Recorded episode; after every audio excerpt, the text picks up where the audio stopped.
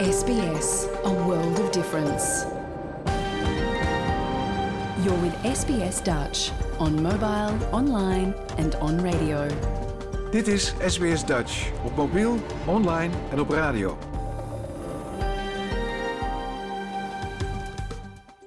Graag erkennen wij de traditionele eigenaren en verzorgers van het land van waar we vandaag SBS Dutch uitzenden en uiten we ons respect aan de Camaragal mensen van de Kurungay Nation en hun ouderlingen uit het heden en het verleden.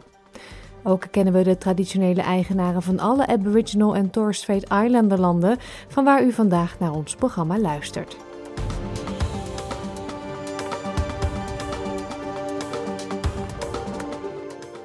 Goedemorgen, mijn naam is Paulien Roesink. Welkom bij SBS Dutch, het Nederlandstalige radioprogramma van SBS. Leuk dat u vandaag weer luistert. Het komende uur kunt u luisteren naar enkele leuke en bijzondere interviews van de afgelopen maanden. Zo vertelt marineonderzoeker Anneke van der Brink u alles over oesters. Duikt Taman Frans Hertogs in de ondertoon van een taal. Praten we ook over de World Solar Challenge. Dat doen we met een van de coureurs van de Top Dutch Solar Racing Team. En verder ook een update van Monique en Erwin van Vliet, die al 2,5 jaar lang Australië rondreizen met hun paarden. Dat en muziek allemaal straks, maar nu eerst. Nieuws en achterklap gaan 24 uur per dag door op internet. En dan kan het soms moeilijk zijn om de telefoon of tablet weg te leggen.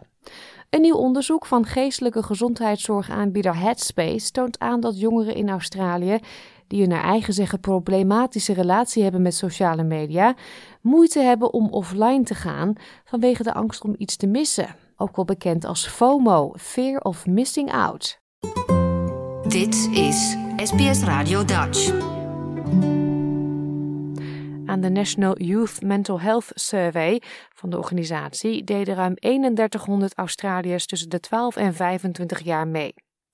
Uit resultaten blijkt dat 1 op de 3 jongeren een problematische relatie heeft met sociale media. 51% van de ondervraagden gaf aan wel vaker uit te willen loggen, maar de druk voelt om op de hoogte te blijven van online trends, nieuws en politiek. Het waarnemend hoofd klinisch leiderschap bij Headspace, Nicola Palfrey, legt uit hoe deze problematische relatie eruit kan zien. The problematic comes with either seeing content that's distressing or upsetting or that makes them feel bad in other ways. That might be through comparing themselves unfavorably to what appears to be other people that are living a, a certain lifestyle or looking a certain way, which we all know may be fairly modified for, for social media. So that detrimental or problematic aspect of it is either making them feel badly about themselves, frightening or upsetting them, or also stopping them from engaging in other activities offline, for example, that they know are good for them, whether or not that's getting out and exercising or having enough sleep. 44% van de ondervraagden is van mening dat de inhoud die ze op sociale mediaplatforms zien meer negatief dan positief is. Uit een ander onderzoek, dat in april werd gepubliceerd onder de naam Dove Self-Esteem Project, bleek dat van de duizend meisjes tussen de 10 en 17 jaar, 9 op de 10 kinderen zeggen dat ze worden blootgesteld aan beauty-content op sociale media, waardoor ze zich minder mooi voelen. Ondanks dat ziet diezelfde groep voornamelijk de voordelen van deze platforms. 79% heeft het gevoel dat ze hun meest authentieke zelf kunnen zijn op sociale media. Mevrouw Palfrey zegt dat jonge mensen zich vaak gesterkt voelen door de hoeveelheid informatie en de mate van zelfstandigheid waartoe ze via digitale kanalen toegang hebben. So you've got four out of ten people saying that they find it empowering as well. So as any of us know that have been on social media, there's always a balance, and young people are finding uh, online experiences can be really um, helpful for them, and, and they feel agency and be able to be connected to issues that they're interested in or concerned about, but also with other groups of young people that they may identify with and may not otherwise access in real life. So there's real benefits to it. Deze voordelen kwamen ook naar voren in het onderzoek van Paul Byron, hoofddocent digitale en sociale media aan de University of Technology Sydney. Hij bestudeerde de voordelen van online spaces voor de LHBTIQ gemeenschap. Hij zegt dat het deze groep mensen helpt mensen te vinden die op hen lijken. The main positives that I'm seeing there are connection to community and connection to peer support. So, so they can often find more connected spaces online and people who have been through what they're experiencing and people who can share their first-hand accounts. Zijn werk heeft tot doel de ervaringen van de jongeren centraal te stellen ten gunste van wat hij een top-down benadering noemt, voorkomend uit de bezorgdheid over sociale media van oudere Australiërs. Byron erkent echter dat, net als elke andere sociale plek, sociale mediaplatforms potentieel schadelijk kunnen zijn. So I think a lot of the debate and discussion is very top down and it's it's very much driven by the, the figure of the concerned adult. So my interest there is actually leading with the strengths or taking a strengths-based approach to young people's use of social media. Because I don't want to also say that young people aren't sometimes having a bad experience. They are. I think social media, we should remember that these are social spaces. And in any social space, there's always drama, there's always conflict, there's always you know, opportunities for, for bullying and, and um, unfair treatment. De Australische I-70-commissaris meldde in januari dat het bureau bijna 1700 klachten over cyberpesten onderzoekt. Ook heeft het sociale mediabedrijven in het afgelopen jaar 500 keer gevraagd om aanstootgevende inhoud te verwijderen. Vorige maand waarschuwde de Surgeon General van de Verenigde Staten voor wat hij ziet als de negatieve effecten van sociale media. Hij riep op tot dringende actie om veilige en gezonde digitale omgevingen te creëren die schade tot een minimum beperken en de geestelijke gezondheid van kinderen en adolescenten beschermen. Professor Joe Robinson werkt bij Origin, een in Melbourne gevestigde geestelijke gezondheidszorgaanbieder voor jongeren en leidt een reeks onderzoeksprogramma's rond zelfmoordpreventie. Ze wil niet zeggen dat sociale mediaplatforms negatieve gevolgen hebben voor de geestelijke gezondheid, maar ze gelooft wel dat algoritmen die extreme online inhoud aanbevelen, de risico's kunnen vergroten voor jonge mensen die het al moeilijk hebben. It's the ways in which the algorithms operate. So, you know, we all know that the more time we might spend looking at a particular type of thing, the more likely that type of thing is going to, that content is going to surface in our feeds. Um, so I think that's a real concern. So even a young person that might be looking for help for something like suicide or self harm, you know, all sorts of other things as well, they're more likely to get served up content relating to suicide and self harm. And that content won't necessarily be helpful content. It won't necessarily be resources to help them get help or manage their mood or their behavior. It might start to become unhelpful or even harmful content. So there's a real issue with the way those algorithms work. Overheden over de hele wereld hebben geprobeerd sociale mediagiganten aan te spreken, omdat ze vaak toestaan dat gevaarlijk en haatdragende inhoud zich via hun platforms verspreidt. Begin deze maand stuurde de I-70-commissaris van Australië een juridische kennisgeving aan Twitter, waarin hij om uitleg vroeg over wat het doet om online haat aan te pakken. Hij noemde het platform een vuilnisbak. Pasi Saalberg, een professor in educatief leiderschap aan de Universiteit van Melbourne, zegt dat ouders ook een centrale rol moeten spelen bij de digitale interacties van hun kinderen. The worst thing that the adults can do, either whether it's about parents or, or educators, is to, is to leave uh, these young people, so to speak, on their own devices. That you know, if it's about gaming with the boys, one thing that parents can do uh, is to you know play with them and, and try to see what they do. If it's about social media, um, you know, the parents can can try to, you know, as much as is uh, ethically appropriate to, uh, you know, join the, the kids and, and show that we care. Nicola Palfrey van Headspace is het hiermee eens. Ze zegt dat ze gelooft dat ouders het onderwerp sociale media met nieuwsgierigheid moeten benaderen om er zo open met hun kinderen over te kunnen praten. I mean, I think it's a shared responsibility. This is a, a place and space that kids play in, for want of a better word. And too often, I think adults come down with a fairly blunt response. Just you know, just log off, just put down your phone, get get outside, those sorts of things. We find, as with most things, it's much better to be curious and actually interested in your young person and, and what they may be doing. And if we go in with curiosity and ask, what are they getting out of it? What you know, what do they find enjoyable? They're much more likely to share with us and more much more likely to come for support if they need it. And that's what we want. We don't want young people having to manage these things on their own. Dit was een verhaal van Sam Dover voor SBS Nieuws, in het Nederlands vertaald door SBS Dutch. Muziek nu van het schaap met de vijf poten. Dit is We bennen op de wereld om elkaar te helpen, nietwaar? Gezongen onder andere door Adaire Bloemendaal, Leen Jongewaard en Piet Reumer. Een oester is meer dan alleen een lekker hapje. Het schelpdiertje is enorm belangrijk voor onze onderwaterwereld, omdat ze het water filtert en erosie tegengaat. Marineonderzoeker Dr. Anneke van den Brink vertelt niet alleen hoe de oester zich voortplant, hoe parels ontstaan en hoe ze het water filteren, maar ook hoe en waarom er in de haven van Sydney geprobeerd wordt om de oesterriffen te herstellen. SBS Dutch, woensdag en zaterdag om 11 uur 's ochtends of online op elk gewenst tijdstip.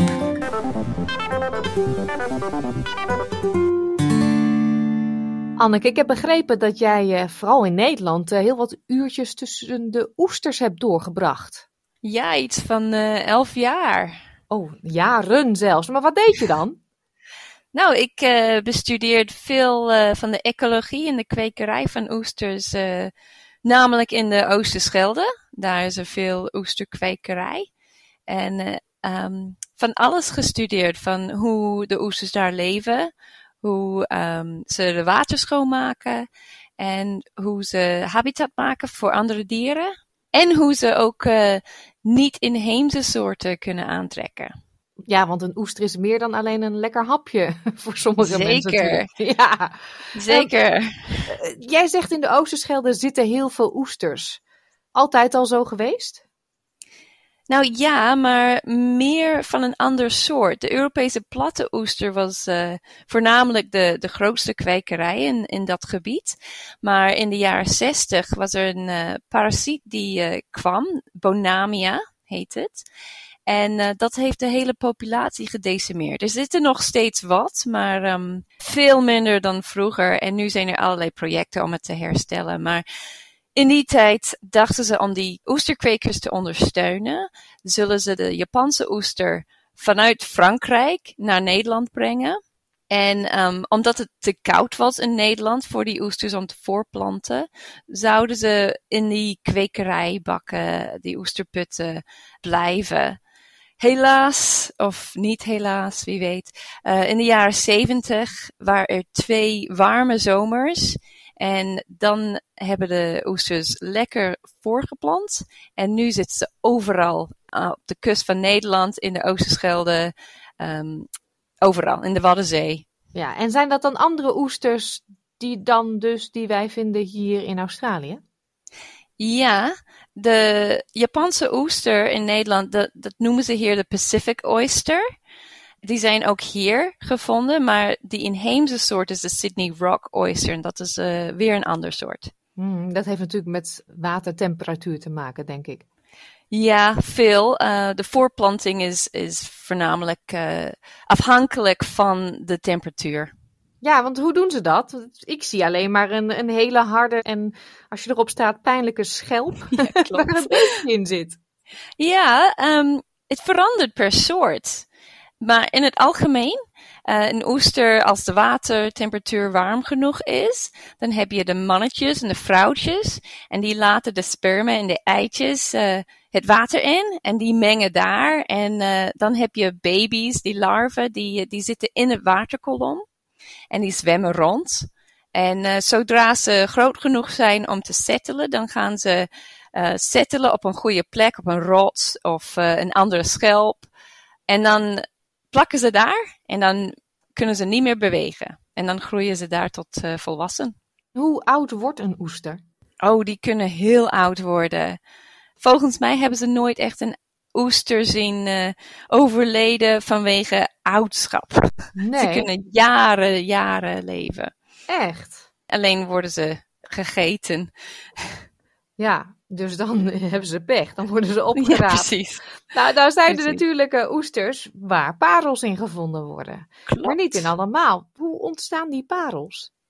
Nou, die parels zijn eigenlijk een soort van verdedigingmechanisme binnen de oester zelf.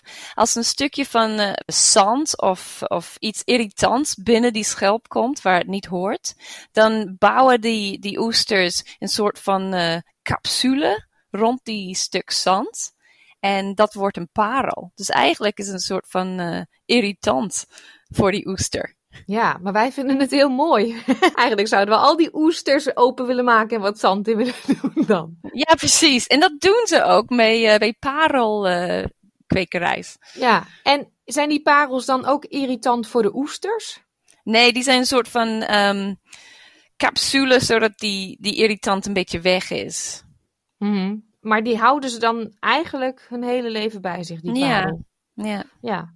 En soms heel soms volgens mij vinden ze wel eens twee parels erin. Dan heeft hij twee keer een irritante ja. binnendringer gehad. Arme dier. interessant. Het is eigenlijk een defensiemechanisme wat heel prachtig is. Ja, precies. Ja. En als je oesters eet, dat is niet voor iedereen weggelegd. Nee. Um, maar die, die beetjes zijn wel heel gezond, hè? Ja, ik, ik ga je niet vertellen wat precies je gaat eten en waarom ik ze niet eet. Want uh, ze zijn gewoon in uh, de, de lichaam van een dier. Mm. Er zit van alles in, maar um, geen uh, extra vet of, of zoiets. Nee, heel natuurlijk. Heel natuurlijk. Ja. Wat is eigenlijk de functie van een oester? Want ja, natuurlijk, ze leven en ze plakken aan rotsen en aan elkaar. Maar doen ze ook nog wat? Oh, oesters hebben heel veel activiteiten en, en nuttigheden die wij kunnen gebruiken. Ze maken het water schoon door het filteren van het water. En dat is ook heel nuttig voor Sydney Harbour. Daar, daarom willen ze ook de, de oesters een beetje terugbrengen. Want uh, ze maken het water helderder. En ze doen dat door um, het water binnen te zuigen. En dan het water over hun kieuwen te dragen. En al die kleine stukjes zand, al die vuilnisstukjes van het water, die gaan uh, uitgehaald worden. En het schone water is weer teruggezet in het, uh, in het waterkolom. Maar al die nutriënten, die houden die oester zelf. Die vervuilnisstukjes, uh, stukjes zand, die gaan ze uitpoepen als pseudofaces. En um, veel van die vuilnisheid van het water blijft ook binnen die oester zitten. Dus ze filteren het vuile water binnen en ze laten schone water uit. Wauw, dat is ongelooflijk. Dat zie je niet als je zo'n zo'n schelp Nee. ziet. Dat, dat ze zo belangrijk zijn. En we hebben het nu over Sydney, maar ze komen over heel Australië voor, hè, de oesters. Klopt. En zijn ze daarom ook belangrijk voor de haven? Want zonder oesters zou het water veel viezer zijn. Kan ik dat met zo zeggen, één op één? Ja, dat klopt. Alleen zijn er nu maar 10% van wat er oorspronkelijk was. Dus uh, er zijn een aantal uh, projecten om ze te herstellen. Een van de redenen is om Sydney Harbour een beetje schoner te maken. Want het is, uh, het is echt een natuurlijke filtratiesysteem. Ja, en ze trekken ook andere beestjes aan, hè? Dat klopt. Ze maken door hun schelpen en dat ze riffen bouwen, kunnen andere dieren tussen al die hoekjes en haakjes en, stukjes wonen. En dat is heel belangrijk voor babyvisjes. En ook voor kreefachtigen. En ook voor uh, zeegras en zeewier om aan te haken. Dus daarom kunnen oesterrif een hele habitat maken waar hele biodiversiteit verhoogd wordt. Beetje vergelijkbaar met een koraalrif dan? Ja, precies. Koraalrif, mangroven, uh, zeegras, al die dingen zijn heel belangrijk voor um, biodiversiteit. We noemen ze keystone species. Nou, heb ik ook iets gelezen dat ze kunnen helpen tegen bijvoorbeeld erosie door golven of zo. Ja, precies. Dus een oesterrif is een, gewoon een, een, een vaste structuur, net als een blok concrete of zo. En uh, door dat structuur kunnen ze de golven dampen, kunnen ze ook sediment vasthouden en dat helpt tegen erosie. Daar heb ik ook gewerkt in de Oosterschelde. Uh, er waren grootschalige experimenten waar ze oesterriffen bouwden. En dan hebben ze gemeten hoe de golven reageren en hoe de sediment beweegt daaromheen. Ja, dus een beschermende factor eigenlijk. Ja, precies. En niet alleen maar dat, maar omdat het een levende rif is, kan het ook adapteren tegen klimaatverandering en het verhogen van het zeeniveau. Ja, ja, ja. Nou zei je net al eigenlijk in een bijzin, in Sydney proberen we de riffen te herstellen. Want er is nog maar 10% over als je het vergelijkt met een paar honderd jaar geleden. Hè? Ja, precies. Wat is er gebeurd? Volgens mij gaan we terug naar de tijd van de settlers, de Europese settlers die kwamen. Ja, dat klopt. Eeuwen, eeuwenlang hebben de Aboriginal mensen oesters gegeten. En lekker van het water gegeten, lekker schoon. En toen was Botany Bay ook hartstikke vol met oesters. Zo vol dat die, uh, eerste schepen van de Europeanen die binnenkwamen, die moesten voorzichtig om die riffen heen. Want het was zo vol. Um, alleen toen ze wilden beginnen met bouwen van, van huizen en, en een stadje van maken, hadden ze geen kalk voor cement. En uh, dat gebeurt niet van natuur in de, in de grond hier. Dus ze hebben heel veel van die oesters opgeraapt om kalk van te maken voor de bouw. Dat gebeurde tot de jaren 1870 of zo, toen ze een wet uh, bracht waar ze het uh, moet reguleren. Want die haven raakte leeg. Ja, precies. Botany Bay liep leeg van oesters. Dus echt gewoon 90% is weggehaald door die settlers. En uiteindelijk hebben ze kalk in, in de Blue Mountains gevonden. Maar uh, tot dat tijd hebben ze oesters gebruikt voor, voor de bouwwerk. Ja, je kan het nog zien, een paar gebouwen in Sydney bijvoorbeeld. Hè? Ja, Ik uh, las de Vaucluse House en Hyde Park Barracks. Ja. Daar zie je dat dan nog in het bouwwerk zitten. Ja, en je moet je voorstellen wat die Aboriginal mensen dachten toen ze heel veel van die oesters zien uh, opraapten door die, uh, door die settlers. Ja, hun eten weg. En het weghalen van die oesters, dat heeft heel veel gevolgen aan de ecologie van het, uh, van het gebied. Dan heb je minder plek voor babyvisjes, dan is de visserij wat minder, is de water wat vuiler, is er gewoon minder plek voor zeewier te groeien. En krijg je wat meer erosie van de kust. Mm -hmm. ja, nu is er vijf jaar geleden een project gestart om de oesterriffen weer terug te brengen in de haven. Hè? Ja, dat klopt. Er zijn een aantal universiteiten die bezig zijn met het uh, herstel van de oester in Botany Bay. Ja, en hoe doen ze dat dan? Nou, um, een aantal manieren. Ze willen die oesters laten adapteren tot die omgeving. Dus ze gaan oesters kweken in hetzelfde water. En dan in zakken, zodat ze beschermd zijn van predatoren en zo. En dan laten ze tot een bepaalde grootte groeien. En dan leggen ze in het water. Maar ze moeten die oesters vastmaken, want die volwassene oesters kunnen niet zelf weer vast gaan maken. Dat doen ze alleen maar als larven als ze gaan uh, settelen. Ah, dus dan gaan ze zorgen dat ze op een bepaalde plek blijven. Ja. En dan hopen we dat ze uiteindelijk zich weer voortplanten. Ja, precies. Ja. Zijn de eerste resultaten al binnen? Uh, ja, er is al wat herstel van de oesterriffen. En dat is positief. Ze moeten de, de aantal oesters tot een niveau brengen waar ze dan vanzelf voor kan planten en de populatie van natuur uh, groeien. Dat is een soort van een, een tipping point. Mm -hmm. Daar zijn ze nog niet volgens mij. Nee, en dit soort projecten zijn niet alleen in Sydney, maar ik las ook iets bij bijvoorbeeld Port Stevens.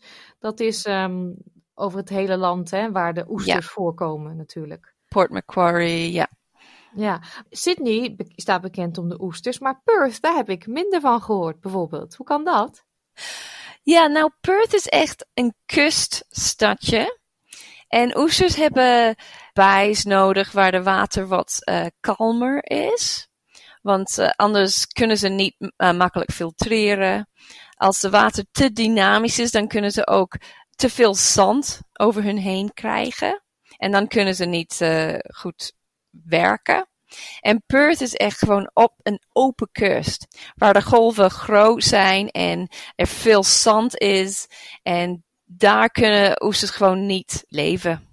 Nee, nee, daar houden ze niet van. Nee. nee. Wauw, ik heb zoveel geleerd over de oester. Nou, Wat ja. geweldige diertjes. Ja, ze hebben heel veel meer dan alleen maar een, leuke, een lekkere smaak. Ja, en ik denk ook goede les voor de mensen in Sydney die af en toe een oestertje rapen. Ik zou ze niet eten als ik het zo hoor. Nee, zeker niet zelf gaan oprapen en eten, want je weet nooit wat erin zit. Oesters die door een kwekerij komen, die zitten in schoon water voor drie dagen of zo om, om al dat vuilnis uit te laten krijgen. Maar als je een oester gewoon zelf oprapen gelijk gaat eten, dan krijg je niet alleen maar zand in je keel, maar um, allerlei vuilnissen. En het water in Sydney is niet het allerschoonste, dus ik zou het niet doen. Nou, ik heb heel veel geleerd van Anneke. Ik hoop u ook. Muziek nu van zangeres Treintje Oosterhuis. Dit is De Zee. Alle talen, groot en klein, hebben hun eigen taalwetten en eigenaardigheden. Taalman Frans Hertogs vindt dat natuurlijk fascinerend. Hij ging op onderzoek uit wat heeft onze taal vergeleken met andere.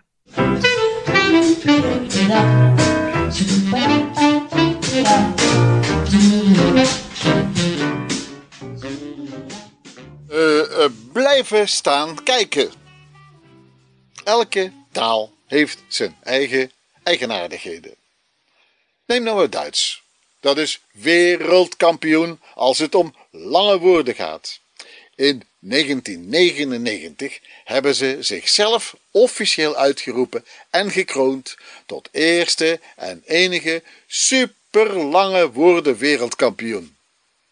Nou, dat willen wij wel eens zien. Dus hou je vast, hier komt dat langste woord ter wereld met 20 lettergrepen en 63 letters. Rindfleisch-Etikettierung, Überwachungsaufgaben, Übertragungsgesetz. Nog een keertje. Rindfleisch-Etikettierung, Überwachungsaufgaben, Übertragungsgesetz. Ja, je kunt maar ergens wereldkampioen zijn, hè? Nou, dat, dat woord dat bestaat natuurlijk niet echt. Het is speciaal bedacht om daarmee officieel wereldkampioen lange woorden te worden. Maar kom op zeg, als het moest, zouden ook wij best kunnen zeggen rundvleesetikettering, vermeldingscontrole, overdrachtswet of iets dergelijks. Maar wij hebben niet zo'n wet en we zijn niet zo opschepperig. Dus wij zouden dan liever zeggen wet op de overdracht van de controlerapporten betreffende de etikettering van rundvlees. Zeg maar de Wober.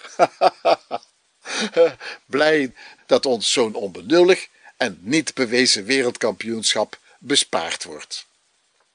Alle talen hebben van die eigenaardigheden.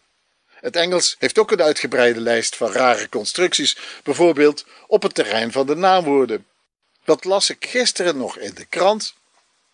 Forest and Bird Top of the South Island Regional Manager Miss Debs Martin. een wankele stapel van dertien losse woorden. En het doet daarmee een beetje hetzelfde als het Duits, al worden de woorden niet geplakt, maar gestapeld. En dat is niks voor ons hoor. Maar wij hebben eerlijk gezegd ook wel iets heel raars. Wij kunnen een boel hele werkwoorden los op elkaar stapelen zonder tussenwoordjes. Bijvoorbeeld in de bekende zin: Ik zou jou wel eens hebben willen zien durven blijven staan kijken. Nog eens, ik zou jou wel eens hebben willen zien durven blijven staan kijken. Is dat wel goed Nederlands? Jazeker, want we zeggen het zelf. Nou, hoe zit dat dan taaltechnisch in elkaar? Laten we zeggen dat Pieter ooggetuige is van een verkeersongeluk. Wij weten dat hij bijna niet zal durven om te blijven staan kijken. Ja hoor, zeg ik dan, hij zou best durven blijven staan kijken. Nou, een perfecte Nederlandse zin. Normaal zou erachter staan het scheidend woordje te moeten zijn. Wij staan te kijken. Maar als daar het werkwoord blijven aan vooraf gaat, dan kan die te wegvallen. Wij blijven staan kijken. Zonder opvulwoordjes. Die drie werkwoorden in een blootje naast elkaar, blijven staan kijken, die worden nu eigenlijk opgevat als één werkwoord. Maar we zijn er nog niet hoor. Pieter zou het misschien wel willen, dat blijven staan kijken, maar hij durft dat waarschijnlijk niet. En wij geloven echt niet dat Pieter dat durft, blijven staan kijken. Nou, dat willen we dan wel eens zien. En daarom zeggen wij in prima Nederlands, wij zouden Pieter wel eens hebben willen zien durven blijven staan kijken. Zeven infinitieven, oftewel hele werkwoorden, zonder één enkel verbindingswoordje achter elkaar gezet in een perfecte Nederlandse zin. Het is een eigenaardigheid waarmee we ongetwijfeld de ongekroonde wereldkampioen werkwoordstapelen zijn. Maar dat dat laten we lekker zitten. Wij zijn geen opscheppers. En wij gniffelen om de Duitsers, die zich wereldkampioen maken in een kampioenschap zonder mededingers. Nou, wij niet hoor. We durven best, maar we lachen in ons vuistje en, en we, blijven staan kijken. Ik dank u wel. Dwars door het midden van Australië in een auto op zonne-energie. Daar gaat het om bij de World Solar Challenge, een race van 3000 kilometer van Darwin naar Adelaide. Teams vanuit de hele wereld doen mee aan de tweejaarlijkse wedstrijd, die in het verleden al regelmatig werd gewonnen door een Nederlands team. Dit jaar hoopt Top Dutch Solar Racing uit Groningen aanspraak te maken op de overwinning met hun voertuig Green Thunder. Verslaggever Jeroen Schouten sprak onlangs met een van de coureurs vlak na de presentatie van de auto. SBS Dutch. Deel onze verhalen op Facebook. Van 22 tot en met 29 oktober nemen meer dan 40 teams deel aan de World Solar Challenge, een reis van Darwin naar Adelaide. En wie dat het snelste doet, die wint. Maar dat moet dan wel in een voertuig wat rijdt op zonne-energie. Er doen drie ploegen uit Nederland mee en Top Dutch Solar uit Groningen is één van die drie. Ze hebben net hun nieuwe auto onthuld en bekendgemaakt wie er voor ze gaat rijden. En een van die coureurs, die hebben we aan de telefoon. Je mag zelf even je naam zeggen, want die is best moeilijk. ja, hallo. Uh, mijn naam is uh, Mourad Mugu. En uh, ik ben inderdaad een van de, van de coureurs van het team van Top Dutch. En ja, ik ben hartstikke blij dat ik deel mag maken aan dit team. Hoe kom jij zo verzeild bij een team wat op, op zonne-energie rijdt? Um, eigenlijk begon het allemaal binnen in mijn studie. En binnen in mijn studie zijn er verschillende projecten, um, vaak waar je aan mee kan doen. En uh, TopTouch is ook net zo'n project. Um, wij gaan nou dus inderdaad meedoen aan de Bridgestone World Solar Challenge. En ja, het is een project van anderhalf jaar waaraan we meedoen. Het, en het zijn over het algemeen studententeams die aan de, de World Solar Challenge meedoen. Wat is eigenlijk het doel van die, uh, van die challenge? Het doel is eigenlijk om um, ja, de studenten de vrijheid te geven om nieuwe innovatieve technieken uit te vinden. Uh, we werken veel met bedrijven samen, uh, waardoor we ook veel kennis uit andere werkvelden uh, opdoen. En het doel is natuurlijk met een zelfgebouwde zonneauto met van die innovatieve technologie als eerste de, de finish te halen. Maar, maar, tegenwoordig heeft toch elke fabrikant een auto die in het stopcontact stopt. Wat is er nou nog zo bijzonder aan een auto op zonne-energie? Ja, het bijzondere van een zonneauto is dat je eigenlijk uh, nooit hoeft op te laden.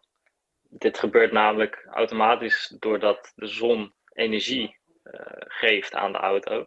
En die energie die wordt door middel van de zonnepanelen uh, omgezet tot elektriciteit. En die elektriciteit die wordt vervolgens gebruikt door de auto. En hoeveel, hoeveel zon heb je nodig om, om zo'n auto te laten rijden? Ja, dat is best lastig om te zeggen. Uh, je kan het vergelijken met hardlopen en wandelen. Hardlopen is natuurlijk veel lastiger vol te houden dan wandelen. Nou, hetzelfde geldt eigenlijk voor onze zonneauto met zonne-energie. Hoe langzamer je gaat, des te minder energie er verbruikt wordt. Uh, en des te langer je het ook kan volhouden. En, en wat, wat is dan een optimale snelheid voor, voor een auto die op zonne-energie rijdt?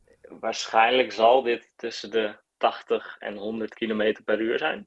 Maar dat is heel erg afhankelijk van de, van de omstandigheden. Kan nagaan dat bijvoorbeeld bij heel veel wind er heel veel weerstand is. En het dus misschien iets handiger is om wat langzamer te gaan rijden. En op het moment dat je een wind in de rug hebt, uh, kan het misschien handiger zijn om sneller te gaan rijden. Uh, ook wanneer er heel veel zon is, dan laat je batterij dus uh, sneller op. Dus kan je sneller gaan rijden, omdat er minder energie uit de batterij verdwijnt. En, en hoe groot zijn die batterijen? dat verschilt wat voor soort batterij je hebt. Maar je kan een gemiddelde ja, ik vind het lastig om te zeggen zelf eigenlijk. Nou, heb je, heb je, kun je me een vergelijking geven? Is, is, is, net zo, is, is een batterij in zo'n auto net zo groot als een kratje bier of een fles melk? Ja, je kan het vergelijken met ongeveer twee kratjes bier. Dat klopt. Ze zijn, ze zijn ook vrij zwaar, uh, die batterijen. Het is geen probleem. Um, echter is het wel zo natuurlijk hoe zwaarder de auto, hoe meer energie de auto verbruikt. En dat is natuurlijk wat we willen beperken. Worden uh, coureurs daar ook op uh, uh, beoordeeld of ze een bepaald gewicht hebben? Um, vanuit de reglementen is het zo vastgelegd dat de coureur minimaal 80 kilo moet wegen. Um, en natuurlijk zullen veel mensen dit niet halen. En daardoor moet er ballast worden toegevoegd om die 80 kilo wel te halen. Haal jij die 80 kilo? Uh, ik ben net iets lichter dan 80 kilo, dus voor mij moet er wat ballast toegevoegd worden. Nou ja, hoe lang denk je, denk je dat je erover gaat doen? Om van, want die race die gaat van Darwin naar Adelaide, dat is 3000 kilometer ongeveer. Klopt. Hoe lang denk je erover te gaan doen? Um, de race zal waarschijnlijk vijf dagen duren. En ik zeg waarschijnlijk omdat er natuurlijk van alles kan gebeuren waardoor de finish al zal verlopen. Um, denk aan mechanische of elektrische problemen, maar ook de zon kan meer of minder zijn dan voorspeld. Uh, en we mogen iedere dag van 8 uur s ochtends tot 5 uur s avonds rijden. En aan het einde van de dag moeten we kamperen waar we die dag eindigen. Dus dat zou best wel eens in de berm van een snelweg kunnen zijn. Zeker, ja. In de bush bush van Australië. Uh, maar, maar wat als het nou een hele dag regent? Ja, in principe is dat geen probleem voor de zonneauto. Um, de zonneauto die moet kunnen tegen regen kunnen. We hebben ook in uh, België afgelopen jaar een 24 uur race gehad. En daar hebben we geraced met uh, een van onze vorige zonneauto's. En die heeft bewezen dat, ja, dat er ook in de regen gereden kan worden. Uh, wel is het natuurlijk zo dat als het regent er waarschijnlijk veel bewolking is. En deze strategie hierop aangepast moet worden. Kijk, als je langzamer rijdt, dan kan je natuurlijk langer doorrijden met de auto. Um, maar je kan uh, natuurlijk ook harder gaan rijden. En dan is de batterij natuurlijk zo leeg. Um, kun je die auto omschrijven voor me? Jazeker. Um, de theorie daarachter is eigenlijk dat een druppelvorm meest aerodynamisch is. En nou, dat is dan ook vergelijkbaar met hoe onze auto er eigenlijk uitziet. Uh, de voorkant is wat, wat boller. Dat is dan ook de plek waar de driver in gaat zitten. En hij loopt uh, langzaam taps toe naar de achterkant. Uh, zodat hij makkelijk door de lucht glijdt. En onze auto die, die heeft vier wielen, waarvan twee wielen achter dichter bij elkaar staan dan de voorwielen. En het is juist om de, de aerodynamische vorm zo, zo smal mogelijk te houden. Verder zit er nog een, mooi zonnedek op. En in totaal zijn de afmetingen 5 meter lang en anderhalf meter breed. En als jij in die auto zit, hoeveel, hoeveel ruimte heb je dan om je heen? Uh, weinig. het is uh, ontzettend krap in. En uh, ook helemaal niet comfortabel voor de driver. Dus dat is, dat is, dat is acht, acht uur afzien voor jullie? Ja, ja eigenlijk wel. iedere coureur die mag maximaal vier uur achter elkaar doorrijden. En per dag zijn er uh, twee controlestops waarin uh, gewisseld kan worden van coureur. Eigenlijk wissel je iedere controlestop van coureur, uh, omdat het natuurlijk ontzettend warm wordt in de auto. Dus je wil wel de coureur met, de, met het friste geheugen in de auto hebben zitten. Ja. Die, die auto van jullie die heet Green Thunder. Waar komt die naam vandaan? Uh, de Green Thunder is, is bedacht omdat de vorige auto's natuurlijk al green in de naam hadden. En dat rijtje wouden wij uh, voortzetten. En verder heeft de vorige auto die in Australië heeft gereden, uh, die heette Green Lightning. ja, en toen was het bruggetje eigenlijk makkelijk gemaakt. Want ja, na Lightning komt natuurlijk Thunder. En waarom gaat Groningen winnen en niet zeg Twente? Ja, over, over Twente kan ik natuurlijk niet heel veel zeggen. Eh, ik zit zelf niet in het team van Twente. Um, maar over Groningen kan ik wel wat zeggen. We zijn in ieder geval ontzettend gedreven. En wij zijn niet bang om, uh, om nieuwe dingen uit te proberen. En ook werken wij met studenten van zowel WO als HBO als MBO. En dit brengt het voordeel dat zowel de theoretische kennis als de praktische kennis in huis is. Uh, wie is eigenlijk de favoriet? De favoriet? Um, kijk, het team van Delft die heeft natuurlijk al meerdere jaren achter elkaar gewonnen ook. Um, dus zij zijn natuurlijk ont een ontzettend goed team. Um, maar ook uh, het Japanse team uh, doet het ontzettend goed. En het Belgische team. Dus er is eigenlijk niet één favoriet. Maar er zijn meerdere teams die, uh, die onze concurrent zijn. Oké, okay. hey Murat, hartstikke bedankt. Ja, graag gedaan. Leuk om te doen. Dus. En veel succes in oktober. Hartelijk dank. Ik ben, ben benieuwd. Wel winnen, hè? Zeker, zeker. We gaan ons best doen. Jarenlang stond het leven van Monique en Erwin van Vliet 24-7 in de teken van paarden.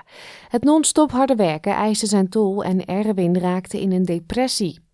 Het stel verkocht een ranch in WA en trok te paard rond Australië om even op adem te komen. We spraken Monique al eerder over dit bijzondere avontuur. Na ruim 2,5 jaar on the road was het stel in de Northern Territory waar we hen spraken. Waar ze een hele belangrijke en grote beslissing maakten. De paarden zijn terug naar West-Australië en Erwin maakt de Big Lab af op de mountainbike. We spraken met Monique en ze legt uit waarom die beslissing gemaakt werd. Jouw gemeenschap, jouw gesprek, SBS Dutch. Monique, de vorige keer dat we elkaar spraken waren jullie al uh, twee jaar onderweg hè? Uh, door Australië met de paarden. Er zijn wat dingen veranderd de afgelopen dagen. Vertel. Ja, we, um, we waren ongeveer 2,5 jaar, 11.500 kilometer met de paarden onderweg. En um, toen het laatste stuk van Mount Isa tot ongeveer Catherine begon me toch heel zwaar te vallen. Het zijn lange rechte wegen, het was warm. Elke 25 kilometer moeten we een kampeerplek vinden. Vaak was dat gewoon ergens langs de weg. Uh, stoffig, um, de zorg om de paarden. Dus eigenlijk was het me gewoon te veel aan het worden. De hele oostkust was prachtig. En dan begon het echt monotoon te worden. En uh, ja, was het, was het reizen voor mij uh, uh, niet meer zo prettig. Um, nee, ehm, dus de harde omstandigheden van de Outback. Absoluut, absoluut. Um, die houdt er wel van, die houdt wel van een uitdaging. Dus hij wilde eigenlijk gewoon met de paarden verder gaan zoals we uh, bezig waren. Maar ik had zoiets, nee, dit, dit, dit kan ik niet. Want van Catherine tot Perth, in mijn ogen was het allemaal gewoon hetzelfde. Nog 4000 kilometer op dezelfde manier reizen. Dus dat werd me wat te veel. Dus um, we dachten, uh, laten we kijken of we een andere truck uh, um, driver kunnen vinden. Dus iemand die voor ons het, de truck kan rijden, zodat Erwin gewoon door kon blijven gaan met de paarden. En dan uh, had ik een beetje een break. Maar hoewel er, er, er, waren toch wel wat mensen die, die het wilden doen.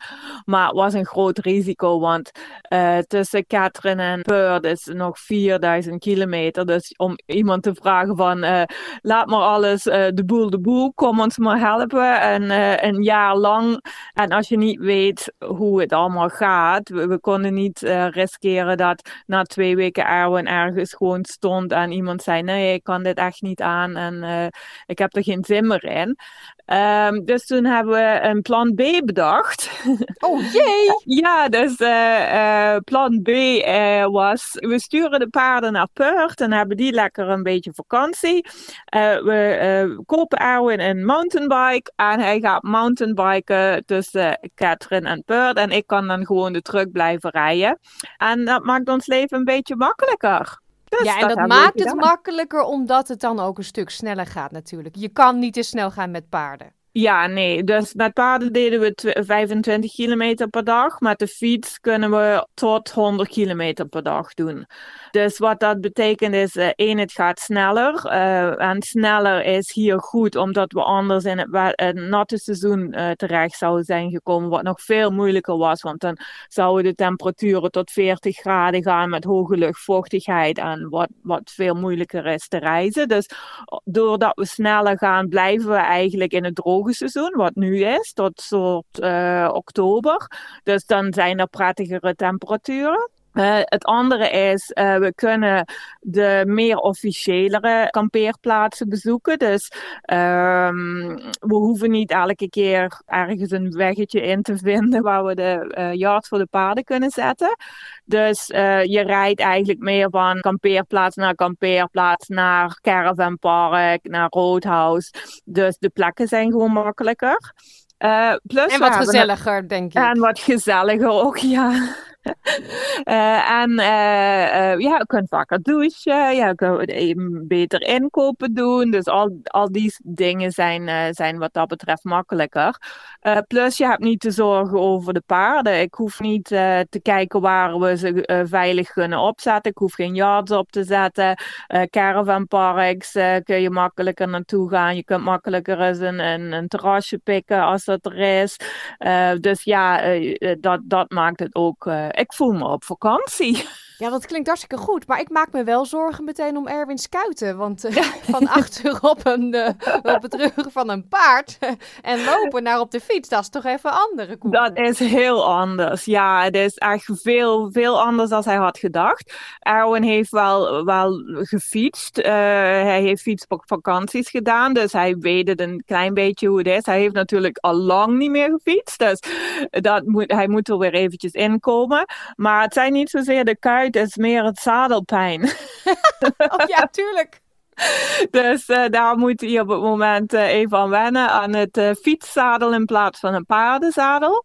En de rest is natuurlijk ook heel anders, want eigenlijk deed hij alles op loopafstand. Dus je ziet elk grasprietje en dan heb je de paarden als, als companion de, waar je mee praat de hele dag. En je bent niet zo alleen, terwijl op de fiets is hij heel alleen. En het gaat toch sneller. Dus ja, je, je moet meer rekening houden met verkeer ook. Met de paarden kon hij vaak van de weg af. Terwijl nu moet hij toch vaak op de weg fietsen. Dus het is eigenlijk een beetje gevaarlijker nog. Dus je moet goed opletten. Dus ja, dit is toch wel echt heel anders. Dit is, is meer sport, zeg maar. Het is meer um, uithoudingsvermogen. Um, hij heeft natuurlijk bergen wat hij nou gaat tegenkomen. Dus dat is ook weer heel anders. Maar hij, houdt wel van een uitdaging. Dus wat dat betreft is het goed. En uh, gitaar spelen en fietsen is ook geen goede combinatie. Dat weet nee, ik. ook niet. Nee, zou ik ook niet aanraden. Nee, nee, nee. Hij is al een keer gevallen. Hij was uh, aan het filmen met één hand aan het stuur achter wat brolgas aan, mooie vogels. En ja, niet aan het opletten. En toen lag hij daar. Oh jee, het wordt nog een hele beproeving, hoor ik al. Ja, ik denk het wel. Maar dat houdt het spannend. Dat is, dat is het leuke ervan. Dus hij mist wel heel erg de paarden. Dus het is wel voor hem een hele grote um, sacrifice eigenlijk. Maar, ja, want die uh, zijn hij... maandag teruggegaan naar Perth. Uh, nee, nog niet. Die zijn nog in Catherine. Uh, die gaan einde van de maand gaan die op een horse transporter. Um, worden ze naar, want het is toch 4000 kilometer wat die na, ook naar Perth moeten gaan. Dus uh, die gaan um, einde van de maand. En dan gaan ze naar een vriendin van ons in Perth. Uh, die zal goed voor hen zorgen. En wij zullen daarheen fietsen. En dan het laatste stuk van Perth naar Manjimup, wat ongeveer oh, 400 kilometer of zo is. Dat gaat hij dus met de paarden weer doen. Dan zijn we weer in een gebied wat mooier is. Je hoeft niet alleen maar langs de grote weg te rijden. Dus dan kan hij uh, het laatste stuk nog genieten met de paarden. Ja, nou zijn jullie dit avontuur natuurlijk begonnen. Hè? Jullie wilden het over een andere boeg gooien vanwege um, Erwins mental health. Hij uh, zag het allemaal even niet zitten. Het werk op de farm met alle paarden was gewoon non-stop en heel zwaar. Um, je zei toen al, toen we elkaar spraken, het gaat met hem hartstikke goed. Je ziet hem helemaal opfleuren. Maar nu ging jij eigenlijk een beetje de verkeerde kant op.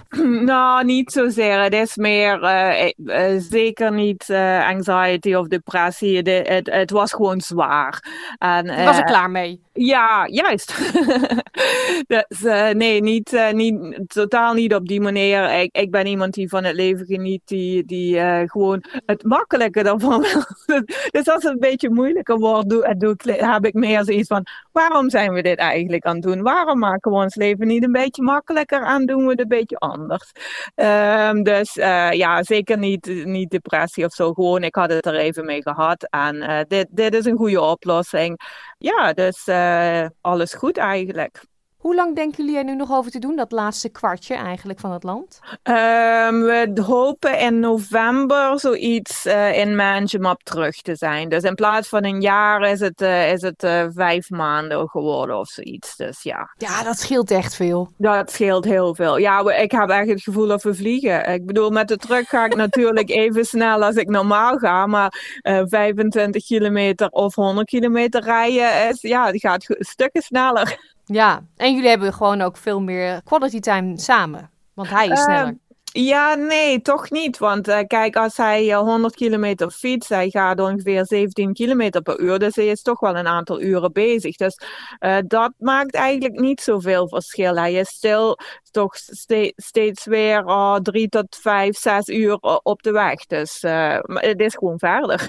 Ja, dat was ik even vergeten. Ja, hij gaat sneller, maar wel verder. Dat betreft blijft het allemaal een beetje hetzelfde. Ik, ik bewonder jullie doorzettingsvermogen. Echt geweldig. We, we blijven jullie volgen. En ik hoop je te spreken weer als jullie terug zijn in Perth. Ja, want uh, in november hebben we een vlucht geboekt naar Nederland. Dus we zullen wel moeten, uh, moeten opschieten dat we er op tijd zijn. want dan, daarna gaan we wat familie bezoeken in Nederland. Heel veel plezier, geniet ervan. En de groet aan Erwin. Doen we, zal ik doen. Doei. Hiermee komen we aan het einde van deze uitzending van SBS Dutch. Wilt u onze verhalen nog een keer beluisteren? Ga dan naar onze website www.sbs.com.au/dutch. U kunt ook de gratis SBS Audio app downloaden. Dit kan in Google Play of in de App Store. Heeft u de app al op uw device staan, dan raad ik u aan om die te updaten, zodat alles weer helemaal picobello werkt. Woensdag dan zijn we er weer met een kerstverse aflevering van SBS Dutch. Hopelijk bent u er dan ook weer bij. Tot slot kunt u nog even lekker meezingen met Mallebabbe van Rob de Nijs. Fijne dag! Like, deel, geef je reactie. Volg SBS Dutch op Facebook.